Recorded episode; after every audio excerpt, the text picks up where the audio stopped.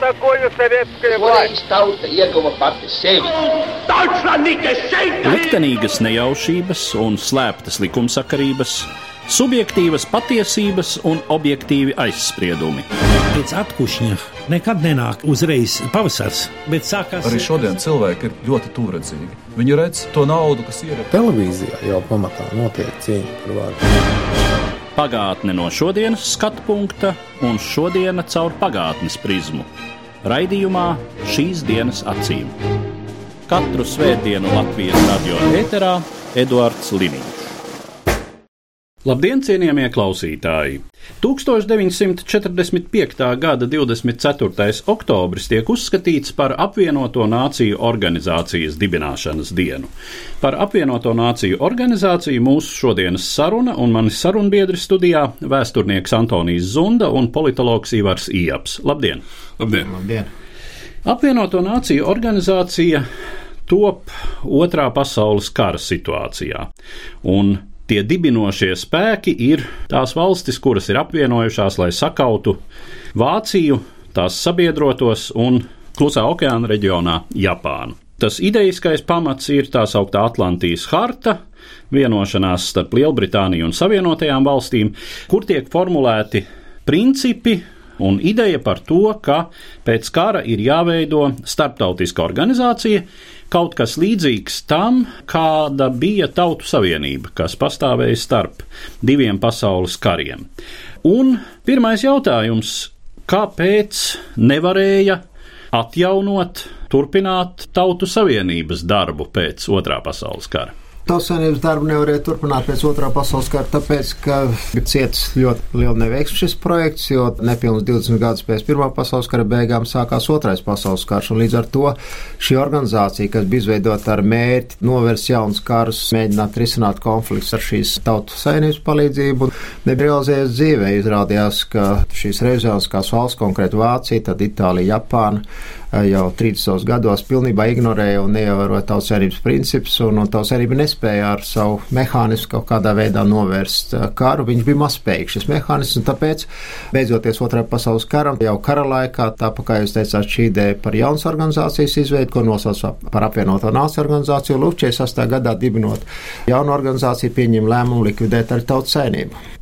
Kas bija citāts apvienoto nāciju organizācijā? Dibinot apvienoto nāciju organizāciju bija domāts padarīt viņu bez šaubām efektīgāku, kā tas bija ar tautas sēnību, un konkrēti statūta 24. punktā ļoti plaši pilnvars tika piešķirts drošības padomē.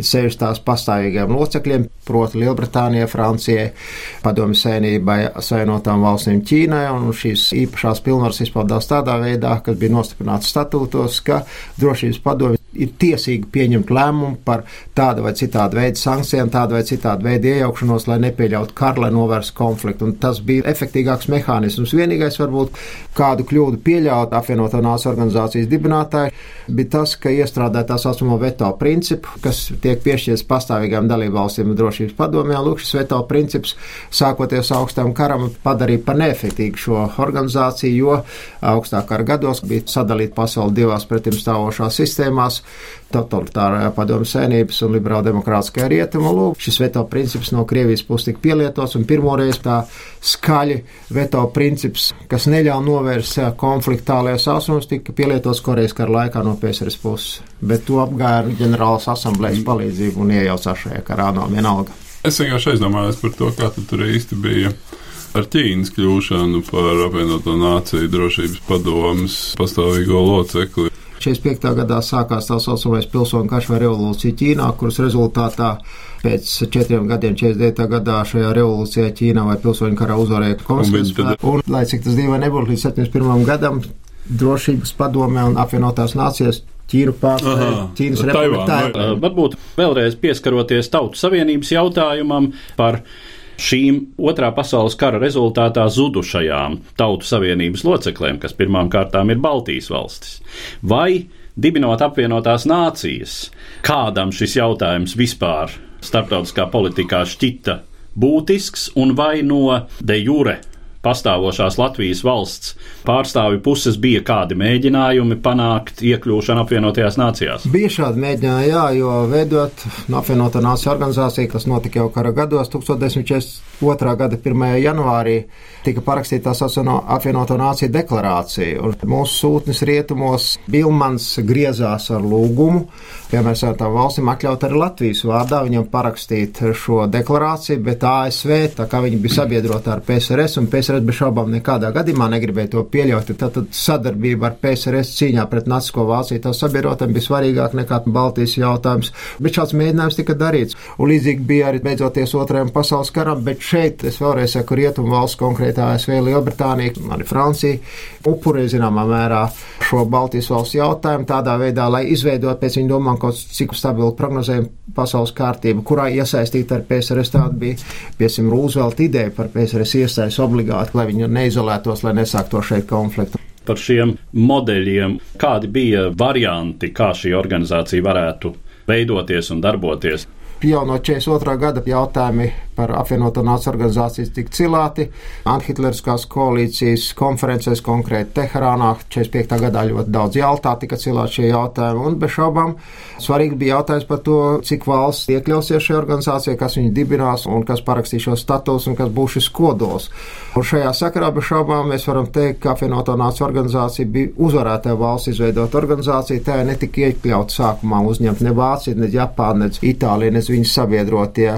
Šeit vajadzētu atcerēties vēl vienu lietu, ka PSRS bija ļoti nobažījusies par to, ka tā Staļins vismaz un viņa komanda domā, kā tad panākt pārsvaru, kā panākt, lai sadzirdētu PSRS interesi šajā pasaules kārtībā pēc karšos apvienotā nācija organizācija un tika uzspies rietumu valstīm tāds lēmums par Ukrainas un Baltkrievijas uzņemšanu mhm. apvienotās organizācijā, kas bija tagad atklāti runājot rupšu statūtu pārkāpums, jo statūta attiecīgs pants noteica, ka par ANO dalību valstīm var kļūt tikai suverēna, neatkarīga valsts. Mēs zinām, ka Ukraina un Baltkrievija nebija suverēnas valsts, tās bija PSRS sastāvā.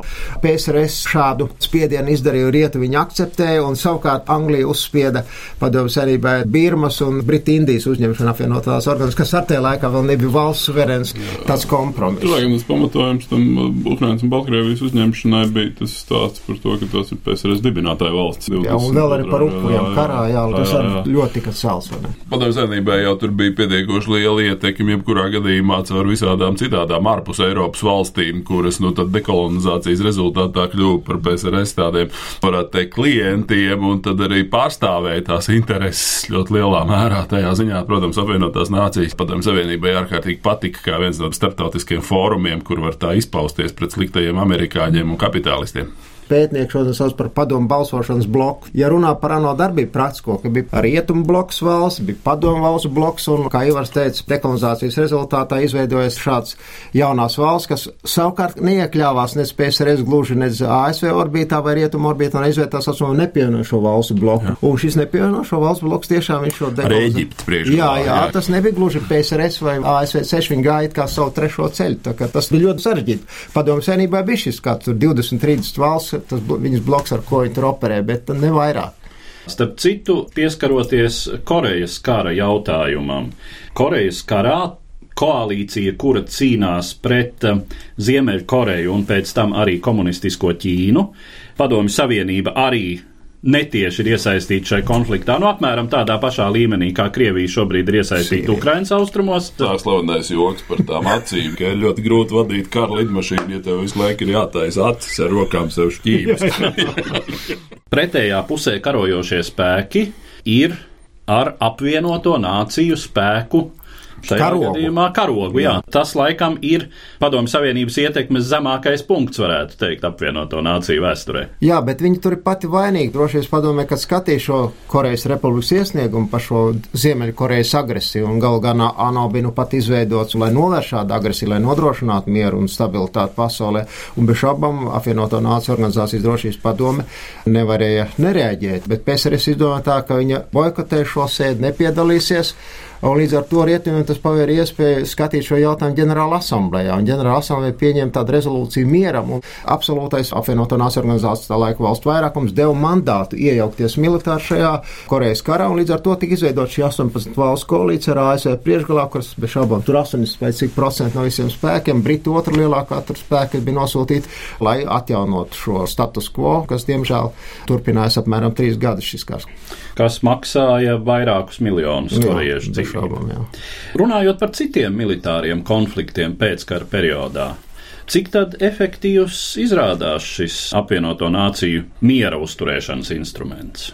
Augstāk ar gados tas viss bija atkarīgs no tā, vai pretie bloki, austrumi, rietumi ir uz kaut kāds viens nots, ka šo konfliktu jāizbeidz un karš jāizbeidz. Konkrēti, pirmais ģenerālsekretārs Dārgs Hamaršals arī bija tas, kas ievieš šādas miera operācijas, ANO spēku nosūtīšanu uz konflikta rajonu, lai izšķirtu karojušās puses, tātad sākt kaut kādu politisku procesu un iesaldēt šo konfliktu tādā veidā neļautiem izplēsties. Bet augstāk ar gados šeit drošības padome un šīs miera misijas un miera spēki bija neefektīvi, ja austrumrietumi bija pretējās nometnēs attiecībās to, kas tur notika. Un tas, diemžēl, arī mazināja ANO efektivitāti. Un visbiežākais cēlonis augstākā gados bija šis PSRS veto šī konflikta politiskam risinājumam iesaldēšanai. Bet interesantākais tas, ka apvienoto nāciju budžets, uz kuru balstos bez šaubām šāds miera operācijas iespējams, un šī šķīrē funkcija ir iespējama, 22% no apvienotās nācijas budžeta dot Amerikas Savienotās valsts, otra lielākā maksātāja budžetā Japāna, un PSRS tur ļoti tālu, tālu, tad, tad 2% laikam. Tur no, no, interesantā kārtā tas ir viens no tiem stāstiem, kur Amerika vismaz pēdējās divās desmitgadēs gribētu maksāt vairāk. Savukārt tur ir uzlikti griezti, ka nedrīkst, jo no tam, kas maksā naudu, tad ir arī pārāk liela nu, ietekme. Nu, Bet um, runājot par um, tiem gadījumiem, kad tomēr apvienoto nāciju miera uzturēšanas spēkus, tās augtās zilās ķiveres, kas tīri fiziski arī ir zilas ķiveres, kuras ir kaujas laukā ļoti labi redzamas. Tad, kad šie spēki tiek nosūtīti, kādas ir nu, viņu iespējas? funkcija ir, ir izšķirt karojušās puses, neiesaistīties nevienā ne otrā Jā. pusē, būt neitrālam absolūti. Un pats svarīgākais, varbūt, ko klausītājiem jāzina, tas, ka šāds spēks var nosūtīt tikai ar abu pušu piekrišanu. Ja kāda puse nepiekrīt, tas nekad puse, nenotiks. Tas nenotiek, jo tas nozīmē, ka tā nav nosējas kādā pusē uzreiz automātiski, un tas izjauc tātad šo viņas vidutāju funkciju misiju, un līdz ar to viņai vairāk neusticās šī otra puse. Un tāpēc tas ir ļoti tāds problemātisks jautājums par ANO efektivitāti, kāpēc viņi tur nevar to novērst, tāpēc, ka varbūt otra puse, kas iesaistīta bremzē to lietu. Jā, jā nu tas ir laikam bijis arī viens no tādiem ļoti būtiskiem kritikas tematiem attiecībā uz ANO saistībā, piemēram, ar Srebrenicu, kas ir pēdējā laikā, varētu teikt, viens no tādiem briesmīgākajiem genocīdiem tepat Eiropā, kur jau tie Nīderlandes zilās ķiveres atradās uz vietas, bet neko neiesaistījās, tāpēc, ka tas nebija viņa mandāts. Viņa Cik Viņi var izšķirt, nepieļaut, Jā. bet nevis piesaistīties uzbrukt kādai pusē. Tas arī ir iemesls faktiski, kāpēc šodien neviens īpaši nopietni neizskata, piemēram, iespēju, kā apvienoto nāciju zilās ķiveres varētu tikt izvietotas Donbasā. Kalnraču un traktoristi nepiekritīs. Kur šobrīd vēl ir zilās ķiveres Kipra laikam vēl ir? Kiprā ir jāapšaubām. Bet tas ir atkarīgs tas apjoms no konflikta eskalācijas līmeņa. Tad sākumā varbūt ir piesim militārā novērētāja misija, pēc tam militārā operācija, pēc tam militārā operācija beidzās novērtēšanas fāze, sākas sarunas. Jo tas maksā visu lielu naudu. 90. gadu vidū konkrēti mieru uzturēšanas misija ANO tērē 3,5 miljardus dolāru. Tā bija augstākā summa, kāda pēc otrā pasaules kara beigām mm. bija tērēta. Jo tad sākās visas Sudānas, Ruandas un Dienaslāvijas, un viss tur gāja vaļā. Tuvu austrumu tāpat pastāvīgi pamatīgāk parunāsim par to, kas notiek tajā brīdī, kad sākoties dekolonizācijas procesam, pasaulē strauji vairojas suverēnu valstu skaits. Kad visas bijušās Āfrikas koloniālās teritorijas, daudzas teritorijas Āzijā iegūst neatkarīgu valstu statusu. Kādi ir tie instrumenti, kurus mēģina lietot viena un otra puse, lai paturētu šīs valstis arī starptautiski politiski un tātad apvienoto nāciju sastāvā savā ietekmē un tātad izmantotu kā savus aģentus. 60. gadi un arī 70. daļai tas ir tāds parādzienveidīgs process pasaulē, kad neatkarību iegūst ļoti daudz koloniālajās impērijas ietilpstošās valsts, viņas kļūst suverenas, un tas bez šaubām atstāja iespēju arī uz apvienoto nāciju organizāciju. 70. gada beigās jau 151 valsts ir, tas ir sprādzienu veidu palielinājums. Apvienoto nāciju organizācijas darbība kļūst daudz sarežģītāka. Parādās jaunas balsošanas grupas, sākas tirgus par to, kuru rezolūciju šīs valsts atbalstīs, kādu versiju. Līdz ar to man šķiet, ka varbūt šī dekolonizācija no vienas puses ļoti pareiza un tas viens no ANO mērķiem, bet no otras puses šī organizācija man šķiet kļūst tad nevadāmāka, nepraktiskāka, jo šīs jaunās valsts interesē viena lieta, tātad šis dekolonizācijas jautājums un vairāk nekas. Un, ja runājam par to, kā notiek cīņa par šo valstu dabūšanu savā blokā, konkrēti PSRS 55. gadā Hrušo laikā spēja tādu ļoti interesantu soli un pieņēma tādu interesantu lēmumu, proti pasludināja, ja līdz tam viņa agrāk atbalstīja tikai sociālistiskā virziena strādnieku kustību pasaulē. Tad viņi paziņoja, ka viņi atbalsta visu nacionālo atbrīvošanas kustību, atbalsts nacionālo atbrīvošanas kustībā visā pasaulē. Tas bija liels bonus, ko PSRS iegūta bez finansiāliem, militāriem, cits palīdzību šajās trešās pasaules valstīs. Un tādējādi, lūk, arī palielinās viņas šis bloks, un tādējādi arī padomjas arī ļoti patika reflektēt sevi šajā apvienotās organizācijā kā galveno koloniālisma biedu tādu un apkarotāju. Bet rietumar šeit negulēja, nenoskatījās mierīgi. Man prātā ir, ka Lielbritānijas Nacionālā arhīva un arī ASV atrada dokumentus, kas parāda to, ka rietumvalsts atbildot to mēģināja pacelt jautājumu par Baltijas valstīm šajā dekolonizācijas komitejā. Un teikt, ka arī tur jūs realizējat, kāpēc jūs redzat tikai Āfrikā, Āzijā, bet neredzat, ko jūs darat šeit, ka jums šeit pārkrievošana notiek un šo tautu tiesību pārkāpšana. Un tas padomu senībai ļoti nepatika. Viņi atkal veica pretdarbu šajās dekolonizācijas rezultātā neatkarību iegūšās valstīs, un tās teica, jā, ziniet, Baltija tur jau nekādas kolonizācijas, īstā kolonizācija tikai Āfrikā un Āzijā.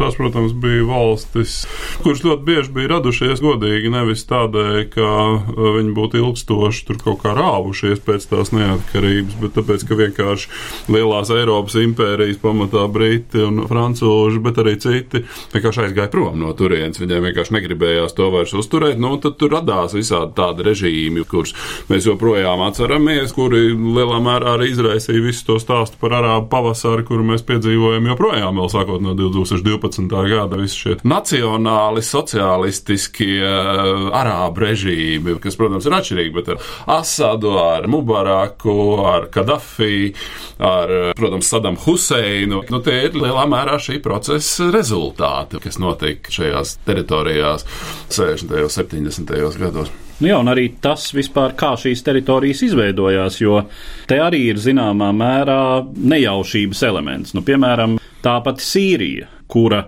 kā mēs šodien redzam, ir valsts, kurā nav kādas vienotas etniskas vienības, ļoti liela reliģisko virzienu dažādība un tā tālāk. Es izsaišu laikam pavisam ķecerīgu domu, teikdams to, ka pastāv vairāki dekolonizācijas modeļi zem dekolonizācijas slēpjas jau ļoti daudz praktiskas lietas, vai šī tauta ir pašpietiekama, viņa var funkcionēt, vai viņa savu ekonomisku nodrošināt, vai politisko stabilitāti nodrošināt. Briti impērija, kas bija viena no lielākajām koloniālajām impērijām pasaulē, uzskatīja, ka šo dekolonizāciju var veikt tad efektīgi, un tauta varēs un valsts jaunā pastāvēt, ja šie nosacījumi būs ievēroti - ekonomiskie, sociālie, politiskie, drošība šaubām. Un kā mēs redzam šodien, tas, kas notiek Āfrikā, piesim, tas ir tas, ka šī dekolonizācija tika sasteigta, tas, ka šīs dekolonizācijas rezultātā rezultātā tika izveidots valsts bez konkrētām robežām, kas nebija izgājuši savā kultūras un politiskā attīstībā šo diezgan garo ceļu, ko izgāja vispārējās nācijas. Un līdz ar to šeit ir nestabilitāte, šeit ir šķelšanās pēc cilšu principa, reliģiskā principa, šeit ir bēgļi un tā tālāk. Tā ir arī viena no tām nelaimēm, kuru Eiropai atnesa un pasaulē atnesa šis garais karš no 1914. līdz 1945. gadam, kas tika uzlūkots kā viens un tas pats karš. Jo tā Eiropa, jau acīm redzot, tad, kad beidzās otrais pasaules karš, vienkārši vairs nebija spējīgi to visu uzturēt, jo viņi bija tik šausmīgi novājināti. Un tieši tāpat kā šobrīd par tādu nu, rietumu pasaules globālo lielvaru bija kļuvusi Amerika, kuras priekšstats par dekolonizāciju ir krietni savādāk nekā Britiem vai Francūžiem. Atgriežoties pie apvienoto nāciju darbības, mēs jau pieminējām to, ka šīs dekolonizācijas rezultātā parādās tādi interesanti valstu bloki un interesantas ietekmes zonas, un tiešām jau piesauktā Ēģiptes līderība trešās pasaules valstu vidū. Tiek runāts arī par to, ka Alžīra vienu brīdi kļūst par ļoti nozīmīgu spēlētāju tieši izmantojot šo trešās pasaules valstu bloku. Tito Dienvidslāvija arī brīžiem diezgan veiksmīgi spēlē nozīmīgu lomu šai kustībā. Protams, tajā brīdī, kad starp citu ar šī valstu bloka atbalstu komunistiskā Ķīna nonāk 1971. gadā apvienotajās nācijās šo trešās pasaules valstu skaitā Ķīna, protams, kļūst par neizbēgamu līderi šai blokā. Ja to vēsturisko skatās, tad šo nepievienošos valstu bloku, protams, tur ir intereses, nu, kā saka, spēlēt uz abām pusēm, bet tie bija tādi, stingņemot, kreisi postkoloniāli režīmi lielākoties ar spēcīgiem harizmātiskiem līderiem, kuri vienkārši negribēja iet PSRS pavadā, tā kā Tito vai Nasers vai Džavaharlals Nēru bloku veidošanos apvienotās organizācija nosaka tās starptautiskās aktualitātes, kādas no 45. gada, kad izveidojās ANO līdz mūsdienām ir notikuši.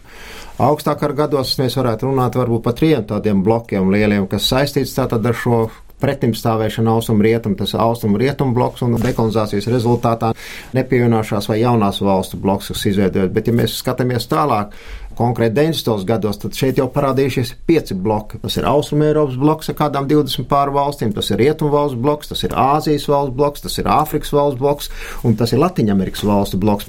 Ja jūs runājat, kādi faktori noteic šādu bloku un balsošanas grupu veidošanos, pielēmumu pieņemšanas, tas ir konkrētā situācija, kāda veidojas pasaulē. Tad droši vien šie aktuālākie jautājumi, kas parādījās ANO darbībā, ir saistīti par atbruņošanos, atbruņošanās limitēšanu, dekolonizāciju. Šodien ļoti aktuāls šis bēgļu jautājums jautājums, nākošais klimata izmaiņas, vidas problēma un ļoti smags jautājums bez šaubām, ko nevar atrisināt ne rīt uz brokas laika, ne, ne tuvāko simt gadu laikā. Tā ir valsts attīstības nevienlīdzība un nevēl viens no tādiem redzamākiem mūsdienu apvienoto nāciju organizācijas ģenerālsekretāriem Kofi Anans, kas pārstāja tieši Āfriku, arī teica, ka mēs runājam vieni par terorismu, citi par kara miera problēmu, bet viņš teica, ja mēs gribam nodrošināt stabilitāti pasaulē, mums ir jāpanāk šīs nevienlīdzības mazināšana, jāpanāk, lai šīs atpalikušās valsts spēja izrauties un attīstīties, un lai šīs šķēres, nevienlīdzības šķēres tuvinātos, nevis arvien vairāk, vairāk attālinoties. Ja šo procesu Kofi Anans teica neapturēs, tad līdz ar to arī ANO nebūs izpildījis ļoti svarīgu misiju un nevarēs nodrošināt šo drošību, stabilitāti, mieru ilgstošu pasaulē. Tas notika 2005. gadā. Viņš izstrādāja veselu programmu, kā reformēt ANO mūsdienās. Ja mēs runājam par eh, apvienoto nāciju vēsturi, populārā līmenī varētu rasties iespējas, ka apvienoto nāciju ietekme pasaulē, šīs organizācijas loma un spēja kaut ko risināt ir gājusi mazumā. Vai tādam viedoklim ir pamats? Livinkungs, es domāju, nevar absolūti piekrist. Ja mēs paskatāmies apvienotā nāciju organizācijas vēstures pētnieks, tad šeit runā par tā saucamiem optimismu un pesimismu viļņiem attiecībā apvienoto nāciju organizāciju. Pirmais tās optimismu vilnis bija no 45. gada līdz 40. gada beigām, kad šo organizāciju izveidoja un kad visi paziņoja skaļi un cēli apņēmās, ka lūk, jaunu karu nebūs, ka apvienoto nāciju organizācija tagad tiešām rūpēsies par mieru drošību, nepieļaus konflikts, iejauksies, risinās sankcijas, pielietos pret agresoru, un tas būs kolektīvs miera instruments. Bija šāds optimisms, un pirmais kritums un pesimisms sākās ar Korejas karu, un augstā kara periods, kad redzēja, ka šie cēlie mērķi, cēlie principi, uzstādījumi ir vairāk saistīti ar savām nacionālām interesēm, nevis ar kaut kādu tur nāciju likteņiem un kara un miera jautājumu ātrāk atrisināšanu. Tauts eh, vīlās 50. 60. gados šajā apvienotā nāciju organizācijā. Nākošais optimismu vilnis laikam saistīts ar 90. gadu pašu sākumu, tad, kad beidzās augstais karš un teica, jā, tagad apvienotā nāciju organizācija vairāk nebūs sašķelta kā augstā kara gados, ko noteica ideoloģiskie politiskie faktori, un tagad apvienotā nāciju organizācija būs viena vienot, tiešām nepieļaus karu un novērsīs konflikts, būs efektīga dūre, mehānisms, kolektīvs šo lielo valstu skaits, kas lūk noslaucīs šo agresoru un nepieļaus nekādus karus. Izrādījās, ka 90. gadi ļoti asiņaini gadi, nevelti var piesaukt status Rebreņus un Dienslāvijas konfliktu, bet jāpiesauc ar 94. gadā Ruanda, kas vispār ārpus jebkuras civilizācijas rāmjiem. Pirmo reizi apvienot nāciju organizācija konstatēja, ka genocīda forma var būt ar masveidu sieviešu izvarošanu, un ka tas ir saistīts ar kaut ko tādu nebijušu 21. gadsimta pasaulē, kur mēs gājām iekšā šajā laikā, un nevēlt izveidoja šo Ronas tribunālu, un ANO it kā parādīja, ka viņš var tomēr, jo 11 Ronas valdības ministrs notiesāja, valdības vadītāji notiesāja, arī Dienslāvijas šis tribunāls tika izveidots, un arī tur notiesāja, vai tiesā vēl joprojām šos kara noziedzniekus. Tā kā no vienas puses mēs varētu teikt, ka 90. gados ir liels optimisms, jauna ticība apvienotā nācija organizācija, bet reizē runā arī par pesimismu. Tāpēc, ka ir nepieciešams reformas diezgan apvienotā nācija organizācija, un šīs reformas saistītas to, ka institucionālajie principi un mērķi varbūt daļai atbilst šai 21. gadsimta pasaulē, bet reizē arī neatbilst. Un konkrēti runā par to, ka piecām pastāvīgām dalībvalstīm drošības padomē, kam ir šis izšķirošais vārds, diemžēl neatbilst šai realitātei 21. gadsimta pasaulē un runā par to, ka vajadzētu šo reformu rezultātā paplašināt šo drošības padomu, piešķirt pastāvīgās dalībvalstu status konkrēti Vācijai, Japānai, Brazīlijai. Tā, vai likvidēt pastāvīgās Jā, nu, dalībvalsts status kā tādu. Bet tās valsts, kas ir ar šo statusu, viņas nekādā gadījumā laikam nepiekrītas atkāpties un nedod šo varu. Un Līdz ar to šodien, 21. gadsimtā, ANO neefektivitāte un varbūt nepilnības ir saistīts tieši ar šo konkrētā gadījumā drošības padomu. Bet ir izveidots miljonus aģentūru par bēgļiem, par pasaules veselības aģentūru, izglītības zinātnes, kultūras aģentūru, kas efektīvi strādā un darbojas. Vērtējot ANO darbību kopumā, varbūt nav vērts vienmēr koncentrēties tikai uz viņu it kā tādu visredzamāko izpausmu, proti, kas attiecās uz karu un mieru un starptautisko drošību. Skaidrs, ka daudzās citās jomās jau viņa darbība ir bijusi salīdzinoši sekmīga, un tas attiecās ne tikai uz nabadzības izskaušanu, kas īstenībā arī ir bijusi salīdzinoši veiksmīga, bet arī, piemēram, mēs paraugamies uz veselības jomu, piemēram, tas, ka ir izskaustas melnās bakas, lepra kas mums šodien liekas kā kaut kāda nu, absolūti nereāla un tāla lieta, bet pret to cīnījās un cīnījās ļoti lielā mērā tieši ANO ietvaros. Kā darbojās UNESCO? Mēs gal galā esam lepni uz to, ka, piemēram, Baltijas ceļš un dziesmu svētki ir iekšā UNESCO sarakstā, nu, kas attiecās uz tām cietās drošības un starptautiskās drošības lietām. Es teiktu, ka, protams, ANO ir pārvērtusies par tādu vairāk runāšanas vietu, kur patiešām tā spēja pieņemt pieņemt kaut kādus vienotus, konsolidētus lēmumus krīžu situācijās ir pietiekoši samazinājusies.